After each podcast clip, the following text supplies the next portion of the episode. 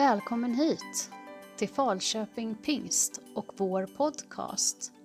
Här kan du ta del av undervisning från våra gudstjänster och andra samlingar. Vill du ha kontakt med oss? Skriv ett mejl till info pingstkyrkan.nu eller hitta oss på sociala medier. Kom gärna till vår gudstjänst på söndag eller andra samlingar. Härligt att vara tillsammans med er. Härligt att få predika för idag. Jag ska gå direkt in i texten utan någon rolig anekdot innan, tänkte jag. I Fesebrevet är vi inne i och vi är i det fjärde kapitlet. Jag ska läsa från första kapitel 1, från vers 1. Därför uppmanar jag er, jag som är en fånge i Herren, att leva värdigt den kallelse ni har fått. Var alltid ödmjuka och milda. Var tålamodiga och överseende med varandra i kärlek. Gör allt ni kan för att bevara Andens enhet genom fridens band. En kropp och en ande, liksom ni kallades till ett hopp vid er kallelse. En Herre, en tro, ett dop, en Gud som är allas far. Han som är över alla, genom alla och i alla. Alltså Efesierbrevet hugger alltid tag i mig när jag läser det, alltså Bibeln i stort, men just de här verserna som Paulus skriver. Eh, ja, det är starka ord som inte ska läsas lättvindigt. Jag ska läsa de tre verserna som jag ska fokusera på, de första verserna som jag ska fokusera på. Därför uppmanar jag er som en fånge i Herren att leva värdigt den kallelse ni har fått. Var alltid ödmjuka och milda. Var tålamodiga och överseende med varandra i kärlek. Gör allt ni kan för att bevara Andens enhet genom fridens band. Man skulle kunna sammanfatta det här med det som Linda pratade om i början tror jag. Heja på varandra, uppmuntra varandra, stötta varandra. Jag ber en bön innan jag börjar. Ni får gärna be med mig. Tack Herre för att du är vår far. Tack för att du är, vi får vara dina barn. Tack för att vi är kallade att vara ett att stå tillsammans, att heja på varandra, att uppmuntra varandra i den kärlek som du har gett oss, som vi sen får dela med oss till varandra av när vi möts. Vi lägger den här stunden i dina händer. I Jesu namn. Amen. I Efesierbrevet som vi har fått höra om i vår genomgång så skriver och uppmuntrar Paulus en ganska liten grupp av kristna som han har väldigt stor kärlek till, att leva värdigt den kallelse som de har kallats till. Att alltid vara ödmjuka och milda, att vara tålmodiga med varandra, att ha överseende med varandra i kärlek och att göra allt för att bevara andens enhet genom fridens band. Detta för att spegla den treeniga Gud som de nu tror på. Så Paulus han skriver det här brevet till Efesos. Han är i Rom där han sitter fängslad. Antagligen så skriver han samtidigt som han också hoppas på att få möta eh, kejsaren. Och han skriver till den här gruppen för att stötta och uppmuntra dem som följer Jesus att leva tillsammans som Guds kyrka och att vandra i de goda gärningar som han har förberett. Trots att de har väldigt stora skillnader och olikheter i den här, de här nyuppkomna kyrkorna, i den här nya gemenskapen, så finns det två grupper som försöker arbeta och leva tillsammans. Det är judar och det är hedningar. Två grupper som har väldigt olika kultur och eh, olika sätt att se på världen. Och det här är skillnader som gör det väldigt svårt för dem att leva tillsammans på det sättet som Paulus tänker sig att de ska göra. Och på samma sätt i vår kyrka idag så lever vi kanske med ännu större skillnader. Olika, olikheter i samfund, etnicitet, kultur, generationer. Allt från hur vi lever till hur vi sjunger och hur vi tillber. Vi kan också prata om teologiska skillnader, politiska skillnader och allting däremellan. Faktiskt så tror jag att det räcker med att säga att det räcker med att ha två personer i samma rum så finns det en väldigt stor skillnad däremellan. Skillnader som jag tror och är övertygad om är menat att vara någonting vackert. Något som kan reflektera den oändliga skönheten som finns i Gud. Men som vi genom vår mänsklighet och vår kapacitet till synd ibland vrids till någonting otroligt destruktivt och motbjudande när vi ser hur vi ibland behandlar varandra. Något som jag tror att alla av oss har mött på ett eller annat sätt. Men här så skriver Paulus och uppmuntrar de som tillhör Gud att leva tillsammans med mildhet, tålamod, ha överseende i kärlek och hålla kvar anden, andens enhet med frid.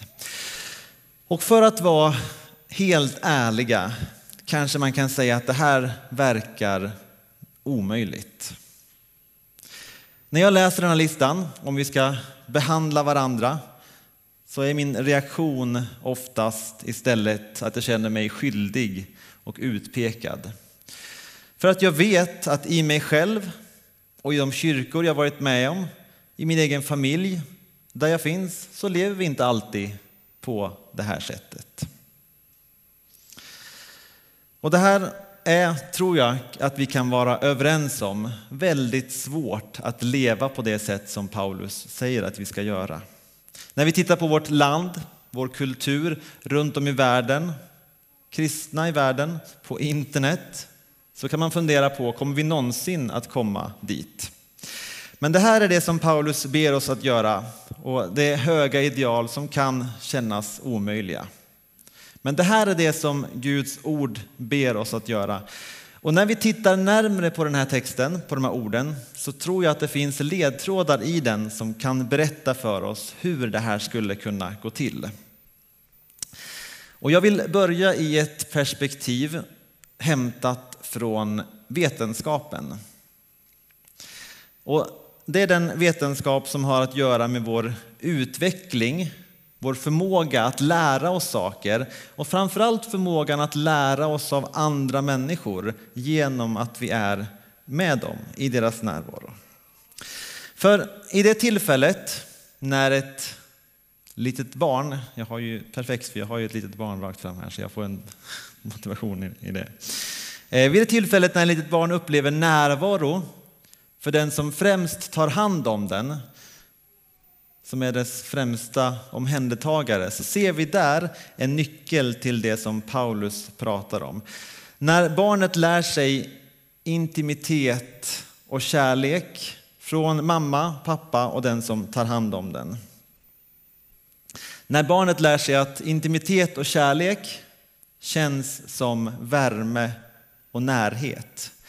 Det som egentligen är ganska abstrakta begrepp, som kärlek och intimitet, lär sig ett barn först genom sin kropp och upplevelser relaterade till kroppen. Barnet lär sig att beskriva kärlek och att bli älskad som att vara nära eftersom den först får ta emot det från sin familj och de som älskar den eh, personen runt omkring den. Så därför när Rut, vår första dotter, eh, kom så förstår Ester, vår äldsta dotter, att hon kan ge henne en kram. Att hon håller henne nära som ett sätt att visa kärlek eftersom det är så hon först fått uppleva kärlek genom oss. När hon ser en vän råka illa ut eller ramla av gungan så kommer hon visa empati och medlidande och omsorg om hon själv fått uppleva detta. Och det här är inte bara fina och mysiga ord, utan det här är vetenskap. Över de senaste 20 åren så har det forskats väldigt mycket om just det här eh, området. Framför framförallt om hur våra hjärnor formas. Den här bilden som kommer upp på väggen är tagen av en mamma och hennes två månader gamla barn. Och det här är den första bilden tagen av sin sorts, tagen av doktor Rebecca Sachs. Hon är mamman på bilden. Hon råkar också vara forskare i neurovetenskap vid MIT. Och jag kan tycka i alla fall att det är alldeles för sällan som neurovetenskapsforskare citeras i predikan. Hon studerar det som kallas för medvetandefilosofi. Och medvetandefilosofi handlar om förmågan att kunna tillskriva sinnesstämningar till andra människor. Så grundläggande att kunna se en person och förstå om den är glad eller ledsen, ibland kanske till och med vad den tänker och försöka förstå vad den personen upplever just i den här stunden och att det skiljer sig från det som jag upplever. Så även om det här är ett högtravande ord, medvetande filosofi, så är det här någonting vi förhoppningsvis sysslar med hela tiden. Jag står till exempel här inför er nu, glad och tacksam att få predika. Kanske lite orolig för hur det ska tas emot. Men jag förstår också att ni har en helt annan upplevelse. Jag kanske funderar på vad ni tänker när jag predikar. Någon kanske tänker på att det här verkar intressant. Någon tänker på vad man ska äta för mat när man kommer hem. Men jag sysslar med medvetande filosofi just nu.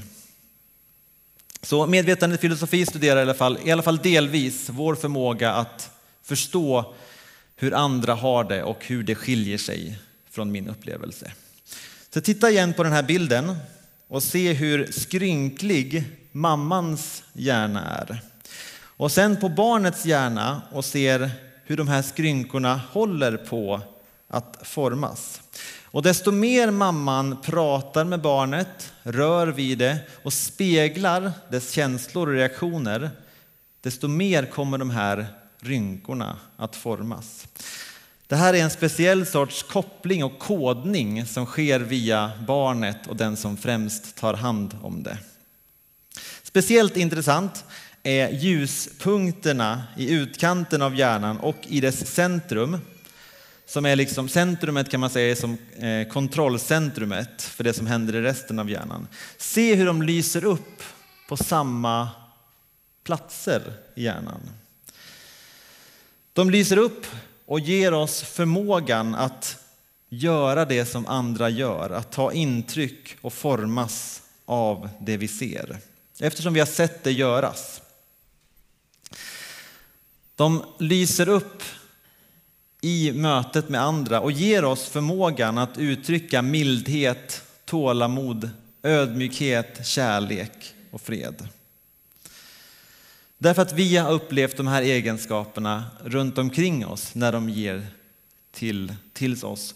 Och Ester eller Rut eller andra barn skulle bokstavligen inte kunna bli fungerande människor utan att vi eller den som tar hand om den eh, pratar vid den, eh, rör vid den hud mot hud, tittar och att vi är nära och visar kärlek på det sättet. Alla de här stunderna bygger vit materia och grå materia som hjälper henne att koppla med andra människor eh, runt omkring när hon växer. Utan den här mänskliga kontakten är det bokstavligt talat omöjligt att bli en fungerande människa. Och desto mer jag läser om vad Paulus har att säga, desto mer blir jag övertygad om att anledningen till att Gud ger oss kroppar kanske man aldrig har funderat på varför Gud ger oss kroppar. Vi skulle kunna flyta runt bara som änglar. Men varför ger han oss kroppar? För att vi ska kunna ha gemenskap och relationer. Desto mer jag läser Bibeln och om kroppen så får jag det intrycket. Och, det här påverkar, och vi påverkar varandra mer än vi tror. Och det här gäller inte såklart bara barnhjärnor som formas på det här sättet.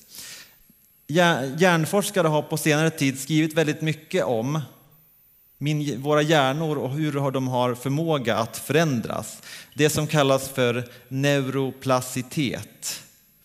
Och, så, och mycket av det som händer i oss, mycket av vår utveckling när vi får nya kunskaper, nya egenskaper, sker i mötet med andra i relationer. När vi interagerar med varandra så har vår hjärna förmågan att formas efter gott och ont. Vi påverkar varandra mer än vi tror.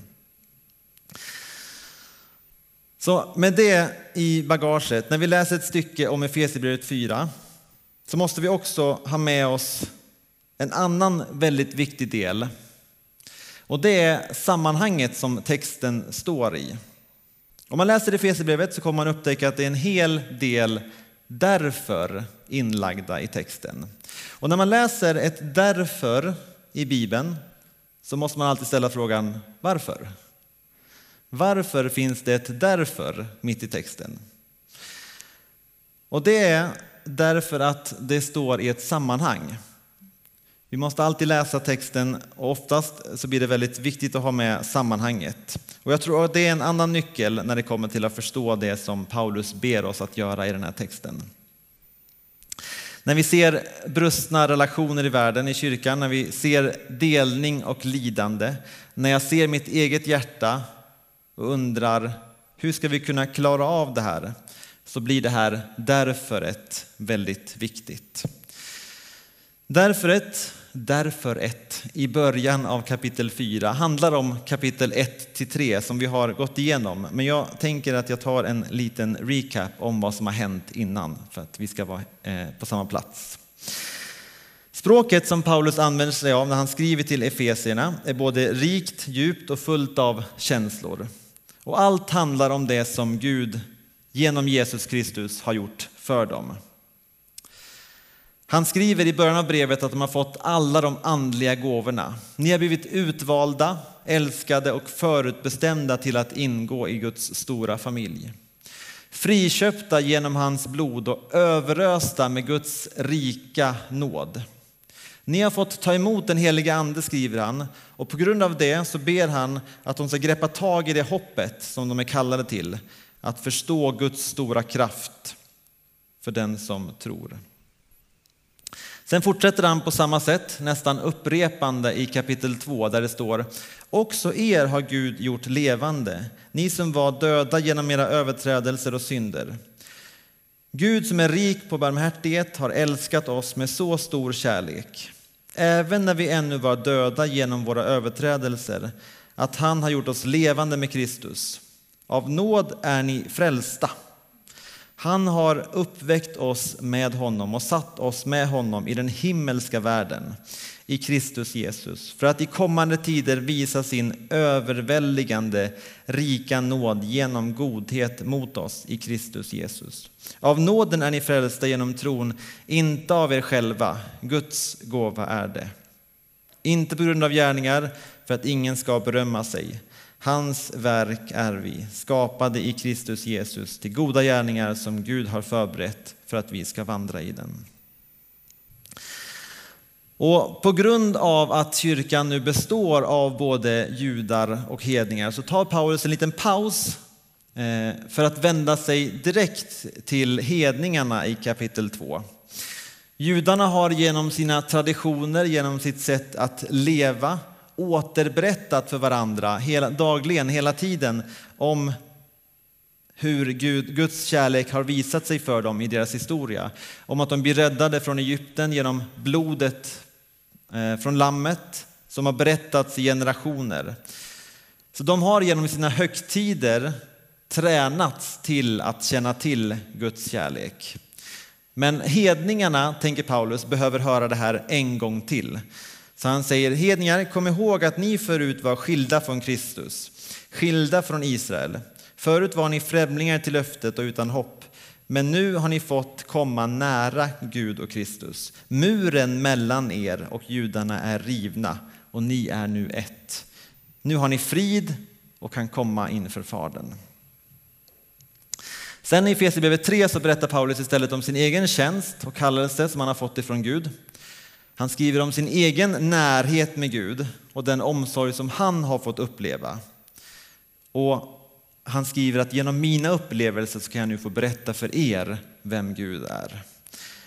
Detta evangelium har jag blivit satt att tjäna med den gåva och nåd som Gud har gett mig genom sin mäktiga kraft. Jag, den allra minsta av de heligaste, har fått denna nåd att predika evangeliet om Kristi, Kristi ofattbara rikedom för hedningarna och att upplysa alla om planen med den hemlighet som från evighet har varit dold i Gud, alltingens skapare. Sen skriver Paulus sin bön för Efesierna, vilket är en av de vackraste bönerna i hela Bibeln. Därför böjer jag mina knän inför Fadern, han från vilket allt som kallas far i himlen och på jorden har sitt namn. Jag ber att han i sin härlighets rikedom ska ge er kraft och styrka åt er inre människa genom sin ande. Att, i Kristus genom tron ska bo, att Kristus genom tron ska bo i era hjärtan och att ni ska bli rotade och grundade i kärleken. Då ska ni tillsammans med alla de heliga kunna fatta bredden och längden och höjden och djupet och lära känna, känna Kristi kärlek som går långt bortom all kunskap. Att lära känna något som går bortom kunskap. Så ska ni bli helt uppfyllda av all Guds fullhet. Genom Paulus ord, genom hans metaforer, genom sitt språk, sin välsignelse och sin bön. Även fast han är långt borta ifrån dem, även fast han är långt borta ifrån efesierna så påminner han dem om att Gud har hållit dem nära och han håller dem nära. Paulus ger dem ord av, ord av tröst, uppmuntran, kärlek och omsorg och påminner dem om att Gud har viskat sin tröst och sin kärlek och sin uppmuntran till dem. Så Paulus genom sitt brev håller dem nära. Och han skriver samma sak till oss. Paulus använder värdefullt papyrusutrymme, tre kapitel, 65 verser, inte till långa teologiska utläggningar, även fast det finns med också. Inte till att uppmana dem till att göra olika saker, även om det också finns med. Utan han lägger allt det här utrymmet främst på att påminna dem om rikedomen och nåden som de har i Gud. Hur kärleksfullt han har behandlat oss. Hur stor hans tålamod är med oss när vi ännu var döda i synden. Och friden som han önskar oss så att vi kan stå tillsammans inför honom. Så det är först den här långa och rika påminnelsen om det sätt som Gud håller oss nära. Det är först efter den som Paulus kan säga därför. Därför ska ni leva det här livet. Gud har ju visat hur man gör. Jesus har ödmjukat sig för att bli människa, för att visa hur man gör och hur det går till. Och anden är i er. Jesus lever i er och har andats de här sakerna över er. Så nu är det er tur. Nu får ni göra samma sak. Så all den här välsignelsen och nåden från kapitel 1 till 3 gör en, utgör en tydlig grund för den här uppmaningen. Vi kan inte leva det liv som Paulus och Gud ber oss att leva i ödmjukhet, mildhet, överseende, kärlek. Det som vi ser i Guds liv, det som han, i Jesu liv, som han uppvisar genom hur han levde. Utan att först få tag och fått styrkan från honom att klara av det. om jag läser de här texterna, de här verserna i sin ensamhet, så är jag frestad att tänka att jag själv misslyckas med att leva upp, det, upp, upp till det. Det är lätt att se det som en lista på saker som jag inte klarar av. Egenskaper som jag inte kan uppehålla. Och som utmaningar och problem som kyrkan kämpar med. Men poängen med de här verserna är inte, tror jag, att det ska vara tändvätska för att vi ska känna, oss, känna skuld.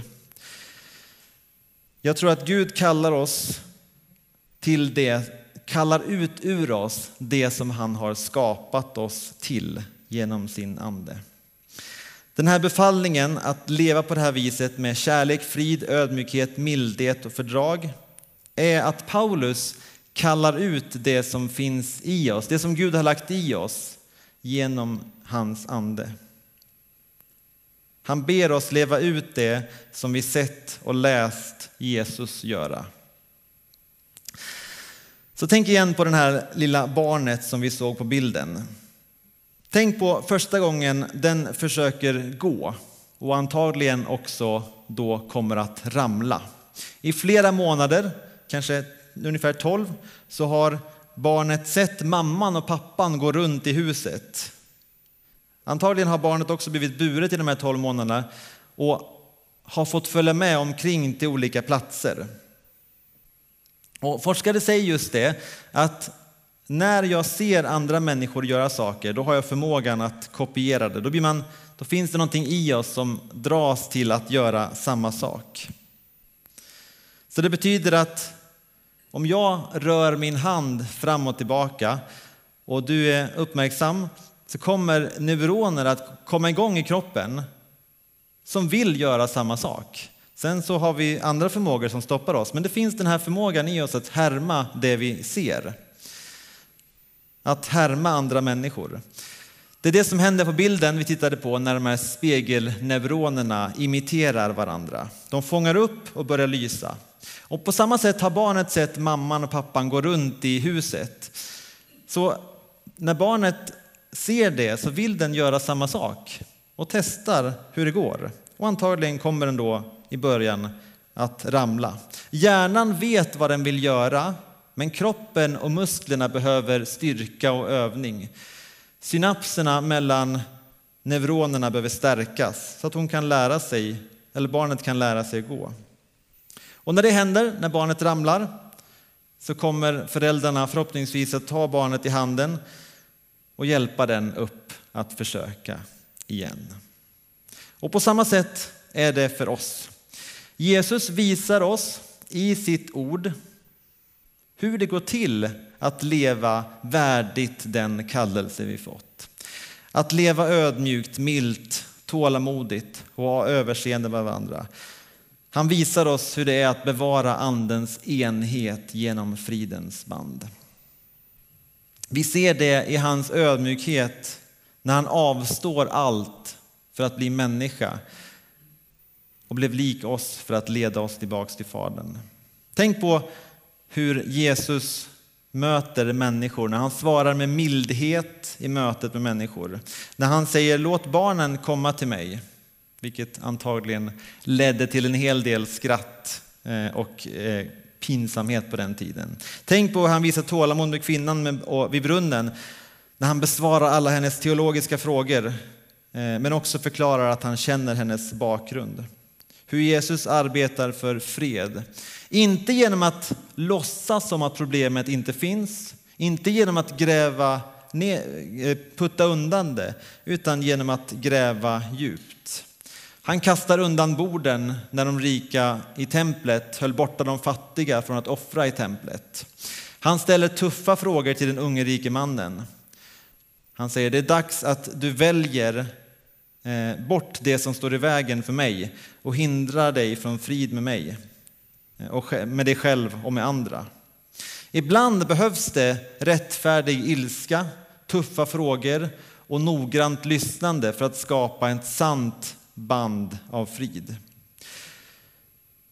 Men med alltid med personens intresse, men alltid med kärlek som bakgrund.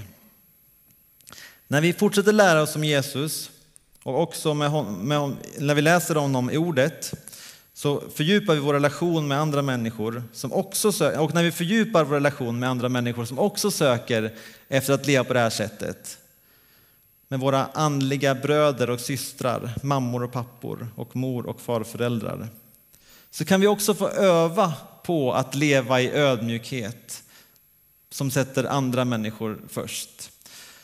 Som människor som gensvarar med mildhet och tålamod istället för självupptagen ilska. Som hjälper oss att klara av konstiga grannar, vänner och kollegor. Som hjälper oss att gräva djupt i konflikter, i meningsskiljaktigheter för att slåss mot orättvisa som bygger upp de här murarna mellan oss. För att förlåta, för att lära oss förlåta, för att söka enhet. För att vi har blivit förlåtna först. Att lyssna och förstå andras perspektiv på ett sätt som bygger fridens band. Det finns en viktig princip inom neurovetenskapen som också stämmer väldigt väl överens med våra andliga liv. Dan Siegel som är forskare vid UCLA har sagt Neurons that fire together, wire together. Neuroner som avfyrar tillsammans sammankopplas, kan man säga på svenska. Det låter bättre på engelska, men det är det det betyder. Det krävs mycket tid, mycket upprepad övning för ett sånt här avfyrande tillsammans, för att vi ska förändra våra hjärnor. Och på samma sätt så tar det mycket tid med anden och att leva med andra för att den här formningen ska hända i oss. Det krävs mycket för att förändra våra direkta gensvar och mycket träning för att börja gensvara på ett sätt så att vi kan leva ut det som Paulus skriver om. Att leva med den här ödmjukheten, mildheten, tålamodet och att ha överseende med varandra. Det krävs mycket övning, det krävs mycket medveten vilja för att det ska ske i våra hjärtan och våra hjärnor. Vi misslyckas, vi faller, men anden uppmanar oss till att resa oss och försöka igen. Och sen i vår tur också förlåta andra när de misslyckas. För att Gud har satt samman de som tror i en gemenskap tillsammans. Här i Pingstkyrkan i Falköping och överallt där det finns kyrkor runt om i världen. Han har gett oss en tydlig förklaring i sitt ord om hur det livet ska se ut. Och när vi läser om Jesus, när vi umgås med Jesus, när vi har en, den här personliga relationen med honom och med varandra, när vi ser hur Jesus lever, så kan det få forma oss. När vi vandrar i anden som bor i oss så kan vi få hjälp att leva ut de här egenskaperna som Gud har placerat i oss. Och när vi kopplar med varandra runt omkring, med andra som också vill leva på det här sättet som Gud beskriver i sitt ord, så kan det få forma oss att leva ut det som han har tänkt. Det handlar inte om att klara av den här listan själv, inte som en lista på saker som vi måste klara av att leva upp till själva, utan genom rikedomen och nåden och kärleken genom Emanuel, Gud som är med oss mitt i det här. Jag avslutar med att be en bön. Tack Gud för att vi är dina barn, ditt folk. När vi läser den här listan så kan det vara svårt att se hur det ska gå till, men hjälp oss Herre genom anden att få leva ut eh, det som du har sagt i ditt ord som ska prägla vår gemenskap. Hjälp oss att ha överseende med varandra, hjälp oss att ha mildhet, tålamod och kärlek till varandra. Hjälp oss att förlåta dem som gör fel mot oss och som vi blir förlåtna. Och hjälp oss fortsätta att behålla Andens frid. I Jesu namn. Amen.